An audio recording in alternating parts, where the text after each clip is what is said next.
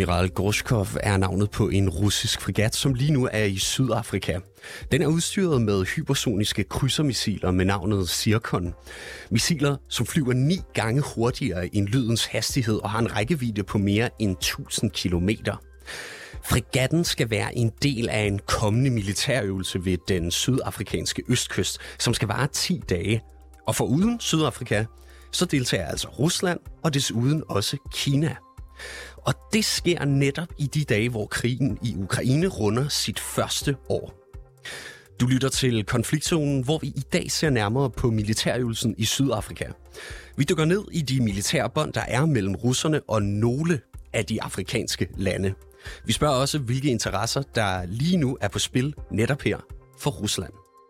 Mit navn er Mads Vestager. Velkommen til konfliktzonen.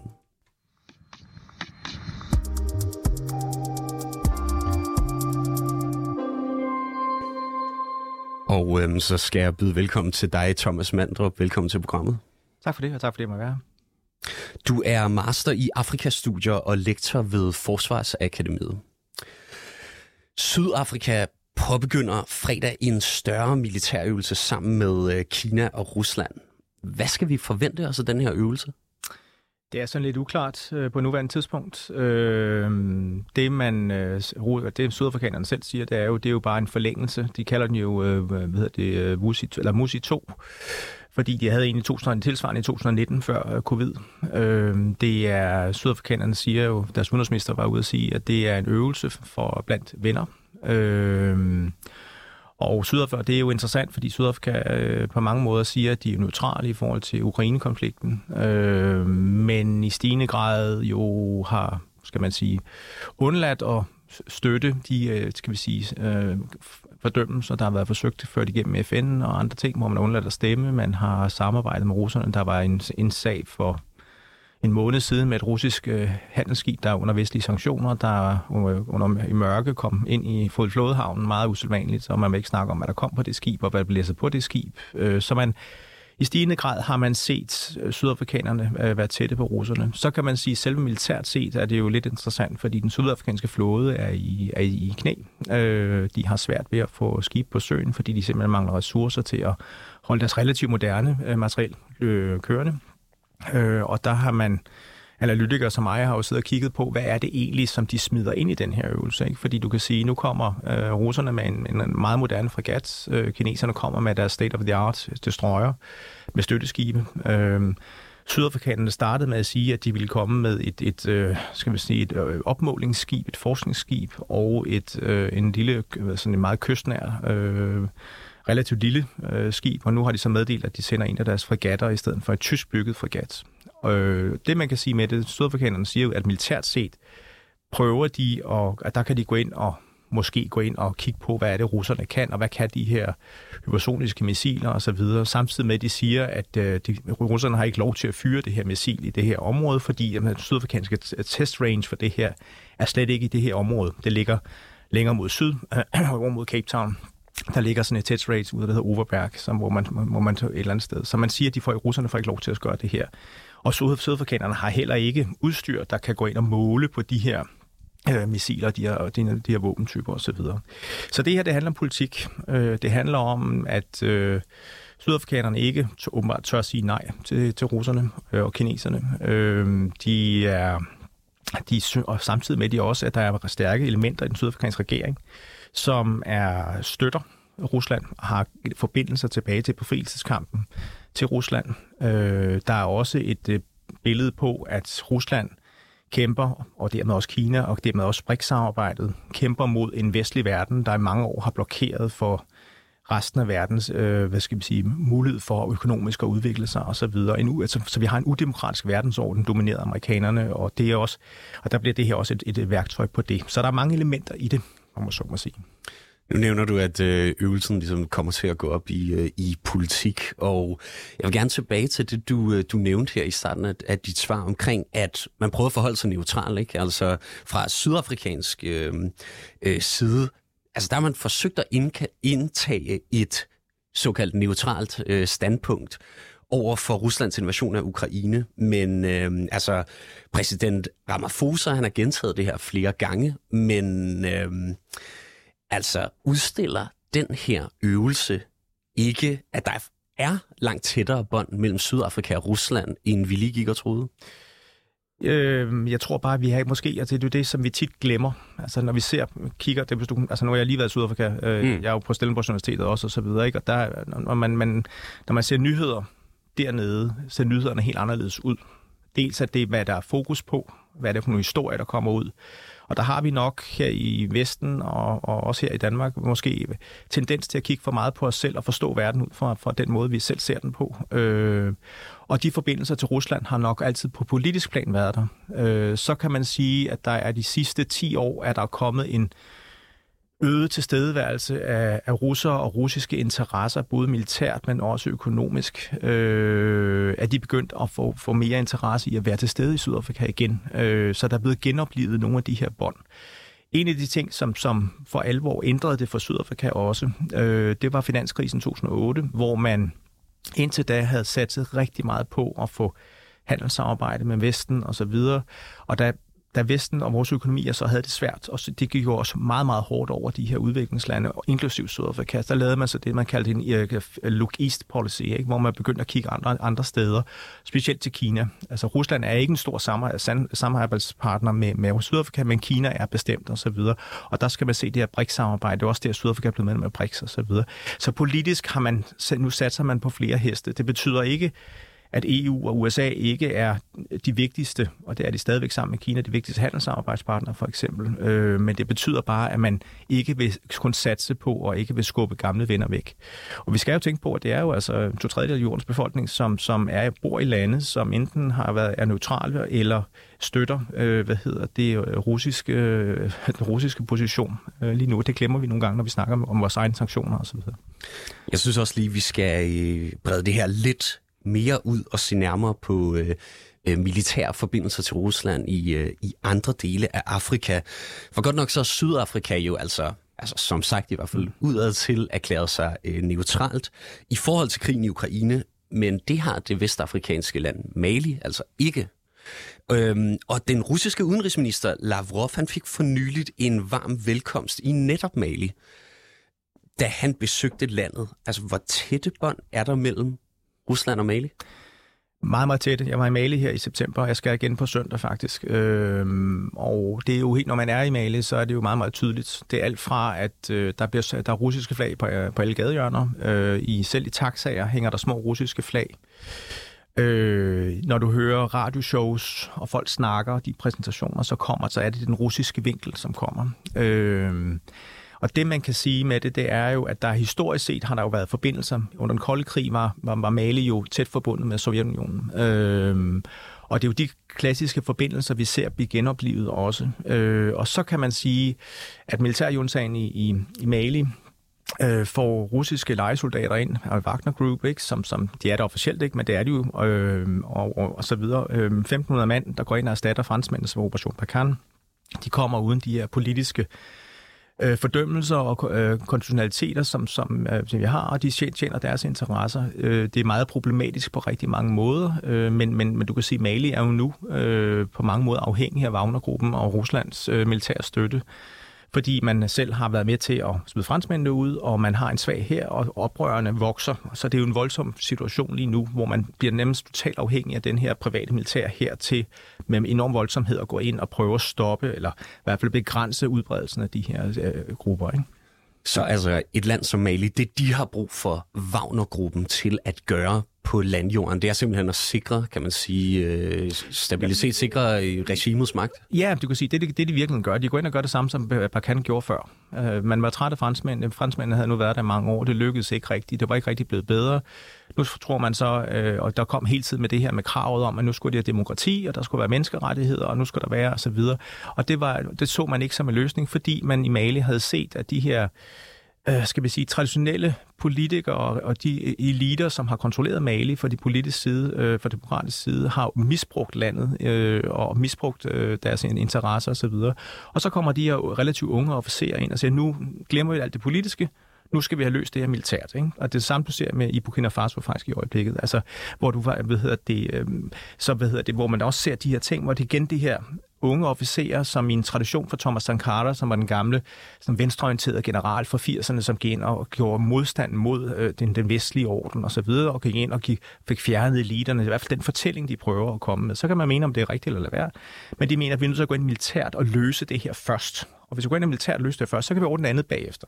Men vi er nødt til at få, få, få ændret det her samfund osv det virker meget, meget usandsynligt, at Wagner-gruppen med 1.500 mand var i stand til at gøre det. Altså, Bakan var væsentligt større, havde bedre, måske bedre midler, bedre luftstøtte og andre ting osv. Men det er i hvert fald den fortælling, man prøver, og man så videre. Ikke? Men, men det er det, der, der gør det attraktivt også. Lige her til sidst, altså tror du, at krigen i Ukraine nogensinde vil få de afrikanske lande, som vi lige har været omkring, inklusive mm. her Burkina Faso, øh, til at droppe deres samarbejde med Rusland? Øh, ikke som det ud lige nu. Øh, de, jeg tror, de er meget fastholdt det her med, med, det, med skal vi sige, den neutrale position. Øh, Lige nu er man kan sige, fra vestlig side er man jo bange for, for eksempel også med Sydafrika, som er en stormagt i Afrika, det glemmer vi også tit. De har meget stor indflydelse på, hvad der foregår generelt set. Man er bange for at skubbe dem i hænderne, altså at skubbe dem altså hen. Det går godt, at det sker alligevel, og det er det, vi ser. Øh, men at man er bange for at at kritisere dem for meget, fordi de forvejen også indenspolitisk er så presset, som det er, for grund af de ting, der sker i Sydafrika i øjeblikket, øh, at man er bange for at, at, at at kritisere for meget. Øh, omvendt kan man sige, at mange af de afrikanske lande er jo totalt afhængige af samarbejde med og støtte fra EU. Øh, og det er jo det, og det gør jo også, at man virkelig, hvis man vil, har en presbold, man kunne spille op. Ikke? Men der er det jo også alternativet, det er jo det, vi ser. Øh, og det er jo det, der er forandringen fra, vi så for 15 år siden. Det er, at så kan de her afrikanske lande, som Burkina Faso og Mali og andre, de kan sige, ja ja, men øh, hvis vi ikke, så vælger vi bare russerne eller kineserne i stedet for, øh, hvis de ikke vil støtte os. Og det er jo det, lige pludselig er der et alternativt, øh, som kan være attraktivt for nogle regimer i hvert fald.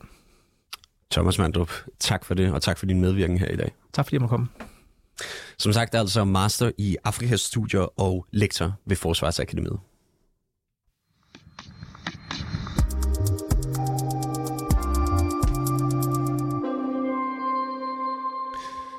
Og så har jeg Claus Mathisen vel, øh, med på en linje. Velkommen til programmet, Claus Mathisen. Jo, tak skal du have.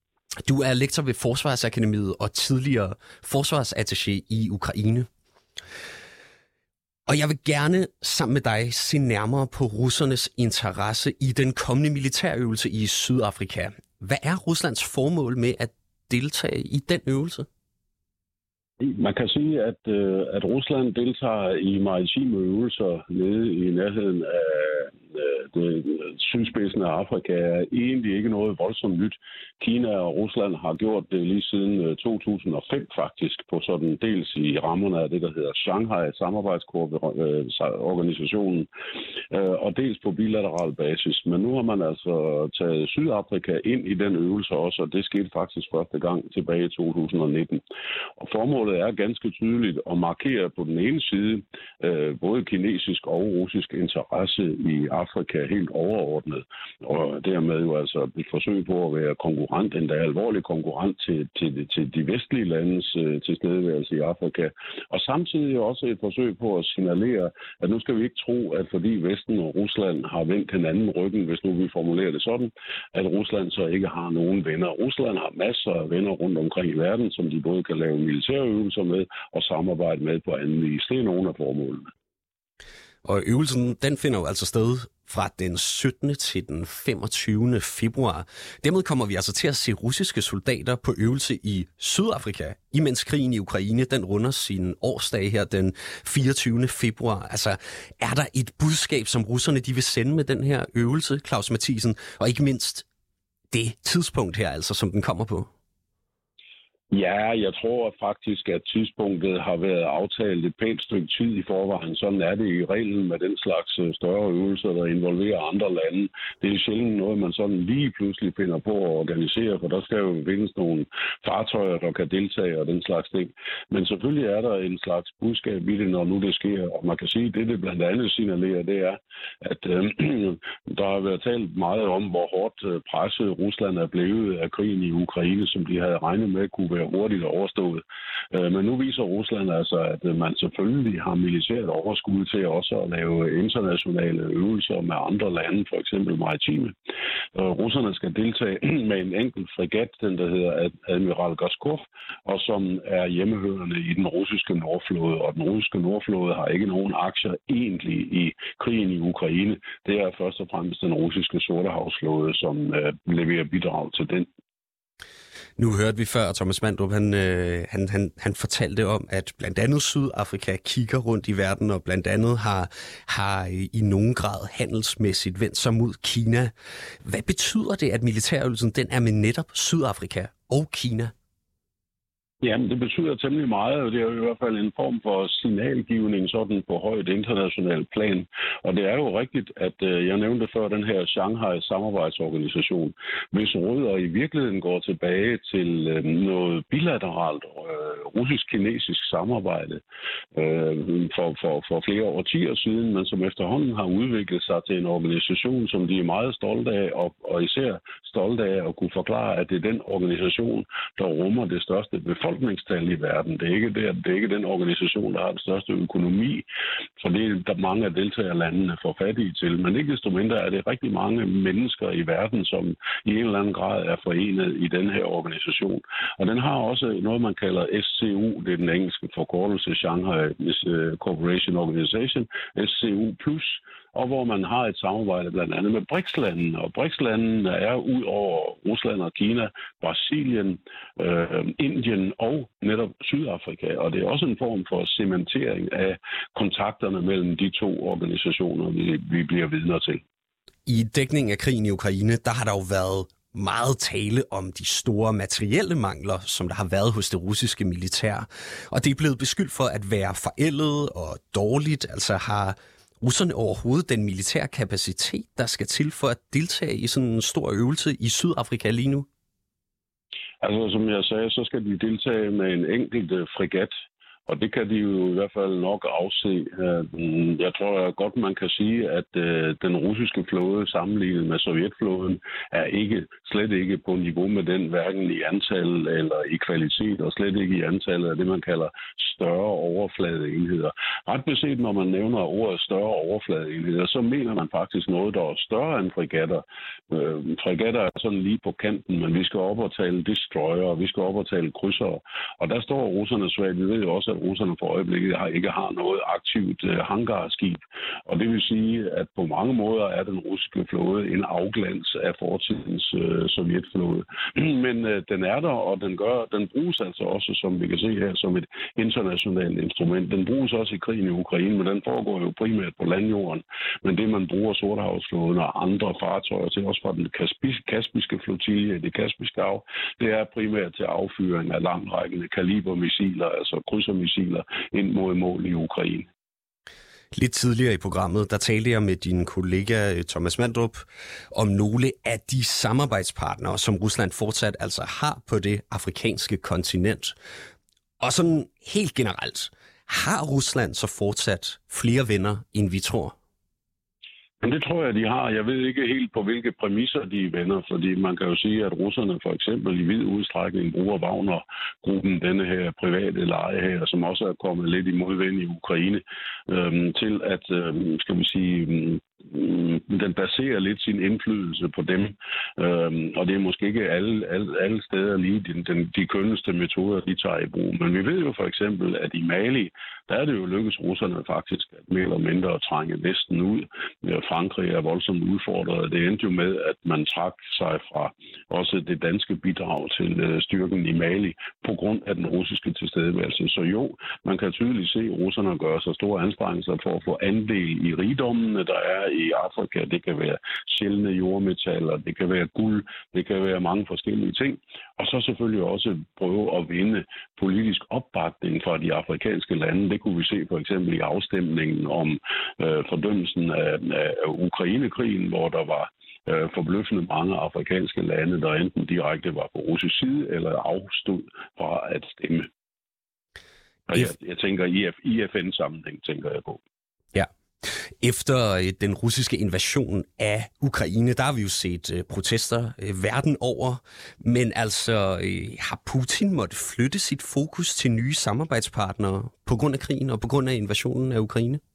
Jamen, det mener jeg ganske tydeligt er tilfældet, og som jeg, jeg brugte lidt tidligere formuleringen, at Vesten og Rusland har vendt ryggen til hinanden, så har vi ikke ligesom lagt uh, nogen skyld på nogen af parterne. Men i hvert fald er det en kendskærning, at uh, stort set alt samarbejde med det, vi kalder det kollektive Vesten, det er afbrudt.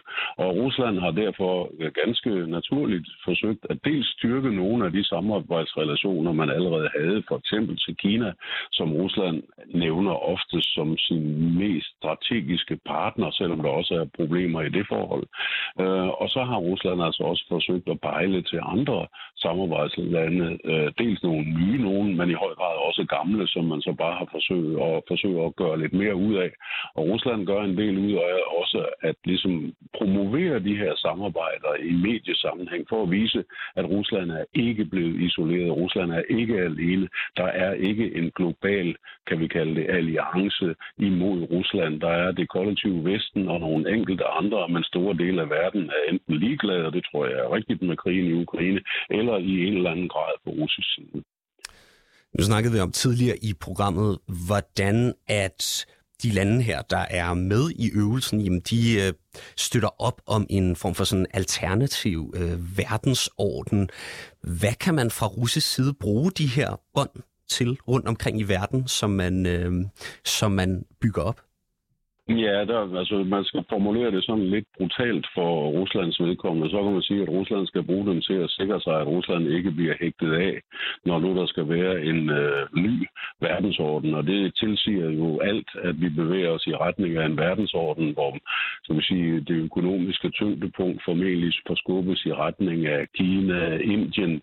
Øhm, og øhm, Rusland er ikke specielt øh, godt kørende, altså øh, hverken befolkningstalsmæssigt eller økonomisk i forhold til verden som sådan, selvom Rusland geografisk er et stort land.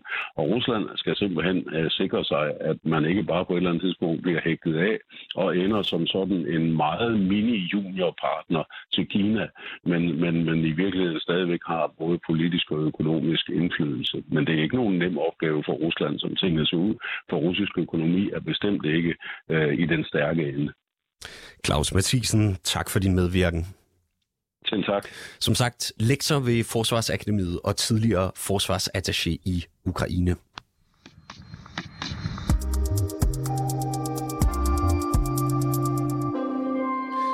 Du har lyttet til dagens afsnit af Konfliktzonen 24-7's udenrigsmagasin. Mit navn er som sagt Mads Vesterager, og holdet bag programmet det er Christine Randa og Sofie Ørts. Du kan lytte til programmet direkte mandag til torsdag fra 8 til 8.30, men du kan selvfølgelig også høre programmet som podcast.